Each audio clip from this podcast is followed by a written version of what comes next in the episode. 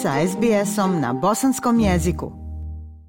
Pa Aisha, pozdrav tebi i slušateljima SBS radija. 13. oktobra u glavnom centru za brojanje Centralne izborne komisije Bosne i Hercegovine u Sarajevskoj Zetri počelo je ponovno brojanje glasačkih listića za predsjednika i podpredsjednika Republike Srpske sa svih biračkih mjesta u Republici Srpskoj. Na ime 10. oktobra na hitnoj sjednici Centralne izborne komisije Bosne i Hercegovine donesena je odluka o ponovnom brojanju glasačkih listića za predsjednika Republike Srpske zbog, kako je saopćeno iz Centralne Centralne izborne komisije neregularnosti i matematičkih nelogičnosti. Podsjetit ću, prema prvom brojanju za predsjednika Republike Srpske izabran je lider SNSD-a Milorad Dodik ispred kandidatkinje opozicije Jelene Trivić. Razlika je 30.000 glasova, no opozicija je danima na protestima u Banjoj Luci tvrdila da su pokradeni. Dan nakon te sjednice Centralna izborna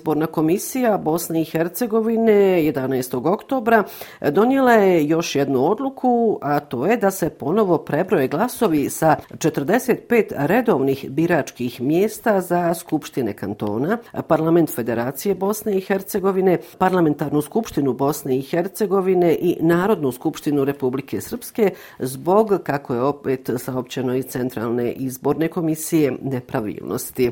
13. oktobra počelo ponovno brojanje glasačkih listića iz Republike Srpske. Kako teče to brojanje listića i do kada bi trebao biti završen posao? Novinare je naravno interesovalo i evo što je kazao direktor glavnog centra za brojanje Goran Mišković. Radimo u tri smjene. Za sada smo ovaj dobro kadrovski popunjeni. Imamo neke naše vremenske planove oko rokova. Međutim, detaljno se možemo očitovati tek kad vidimo što se nalazi u vrećama, kad nakon toga otvorimo određenu dinamiku. Svi ovi ljudi su radili na obuci. Oni već deseti dan rade na prebrojavanju i tih deset dana stekli su poprilično iskustvo. To su ljudi koji su iz oba entiteta. E, tog 13. oktobra u Sarajevskoj Zetri novinarima se obratio i predsjednik Centralne izborne komisije Bosne i Hercegovine Suadar Nautović. On je pojasnio da kada CIK odlučuje po službenoj dužnosti ima ovlaštenja da naredi Centru za brojanje poduzimanje određenih aktivnosti sa ciljem ispravnog utvrđivanja rezultata. Evo šta je dakle pojasnio predsjednik Centralne izborne komisije Bosne i Hercegovine Suadar Nautović. Poslušajte.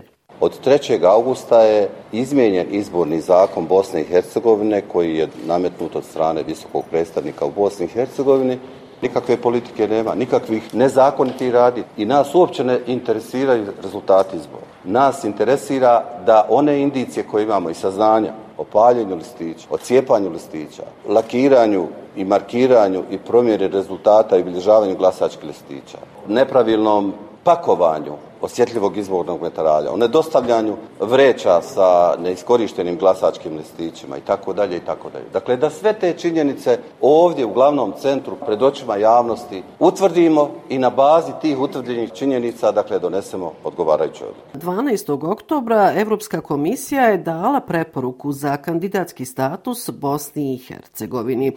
Ipak, Evropska komisija je postavila osam uvjeta koje e, naša zemlja mora ispuniti ukoliko želi napredovati na eurointegracijskom putu.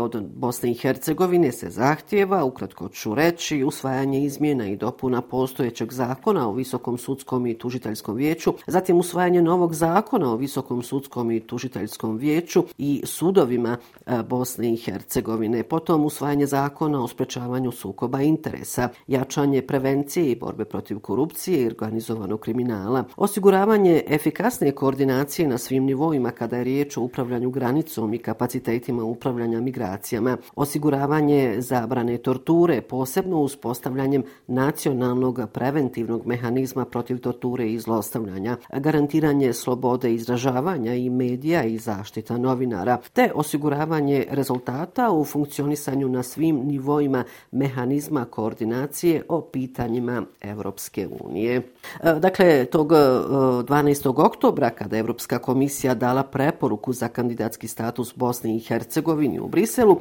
Istovremeno je Johan Sakler, šef delegacije Evropske unije u Bosni i Hercegovini i specijalni predstavnik Evropske unije u Bosni i Hercegovini u Sarajevu, predao izvještaj Evropske komisije predsjedavajućem e, vijeća ministara Bosne i Hercegovine Zoranu Tegelti. Ovom prilikom Sakler je istakao da je ovaj 12. oktobar važan dan za Bosnu i Hercegovinu i da su to BH građani zaslužili. On je, kako je rekao, predao dva važna dokumenta. Prvi je ova preporuka Evropske komisije da se Bosni i Hercegovini dodjeli status države kandidata bez dodatnih uvjeta, a drugi je izvještaj Bosne i Hercegovine za prethodnu godinu. Sattler je naveo da izvještaj za prošlu godinu ima pozitivnih i negativnih nalaza, ali da nije previše pomaka napravljeno. Deciding to recommend the granting Preporuka je da se Bosni i Hercegovini, da se ide sa preporukom za dodjelu kandidatskog statusa Bosni i Hercegovini i to bez ikakvih dodatnih uslovljavanja, što je vrlo važno naglasiti, ali naravno uz određena očekivanja. On the 14, continue working on the 14 key priorities. They will not go away. Evo što je ovom prilikom kazao i predsjedavajući vijeća ministara Bosne i Hercegovine Zoran Tegeltija. Krajinski status za građane Bosne i Hercegovine znači samo dodatnu perspektivu, dodatnu mogućnost, a nikako nešto što oni će u prvom koraku osjetiti kao neke pozitivne e- efekte. Svi domaći političari su pozdravili ovakvu odluku Evropske komisije, smatraju da je to podrška za Bosnu i Hercegovinu, ali ne bih rekla da oni imaju samo kritike, odnosno oni smatraju da su na neki način upravo oni zaslužni za ovo što nam je Evropska komisija uradila. Drugim riječima smatraju da je riječ o jednoj pruženoj našoj ruci Bosni i Hercegovini na putu ka Evropskoj uniji.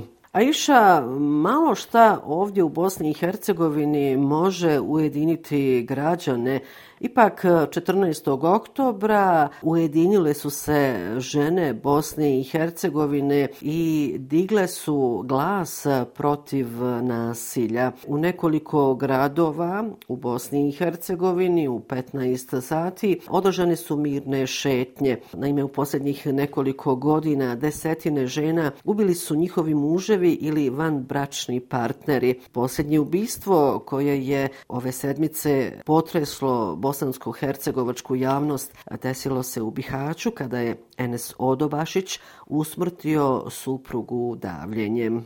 Ovaj tragični slučaj naveo je brojne nevladine organizacije koje se bore za prava žena da se ujedine i izlaskom na ulice širom Bosne i Hercegovine skrenu pažnju vlastima da više pažnje posvete pravima i zaštiti žena. Ovi skupovi ili mirne šetnje održane su pored ostalog u Sarajevu, Banjoj Luci, Bihaću, Gračanici, Tuzli, Zenici i tako dalje. I evo šta su ovom prilikom upravo građanke Sarajeva kazale tokom e, protestne mirne šetnje.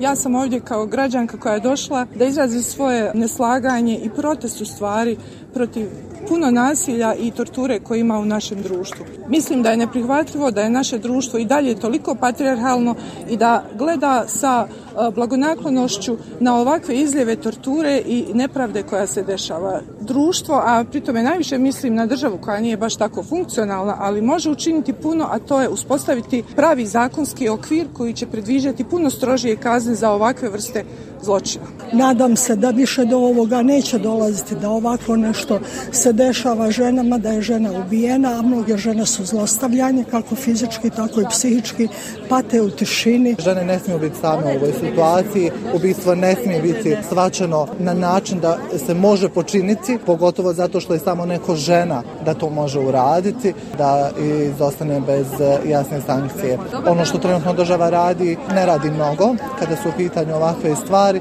i ja mislim da smo danas svi ovdje izašli da budemo glas žena.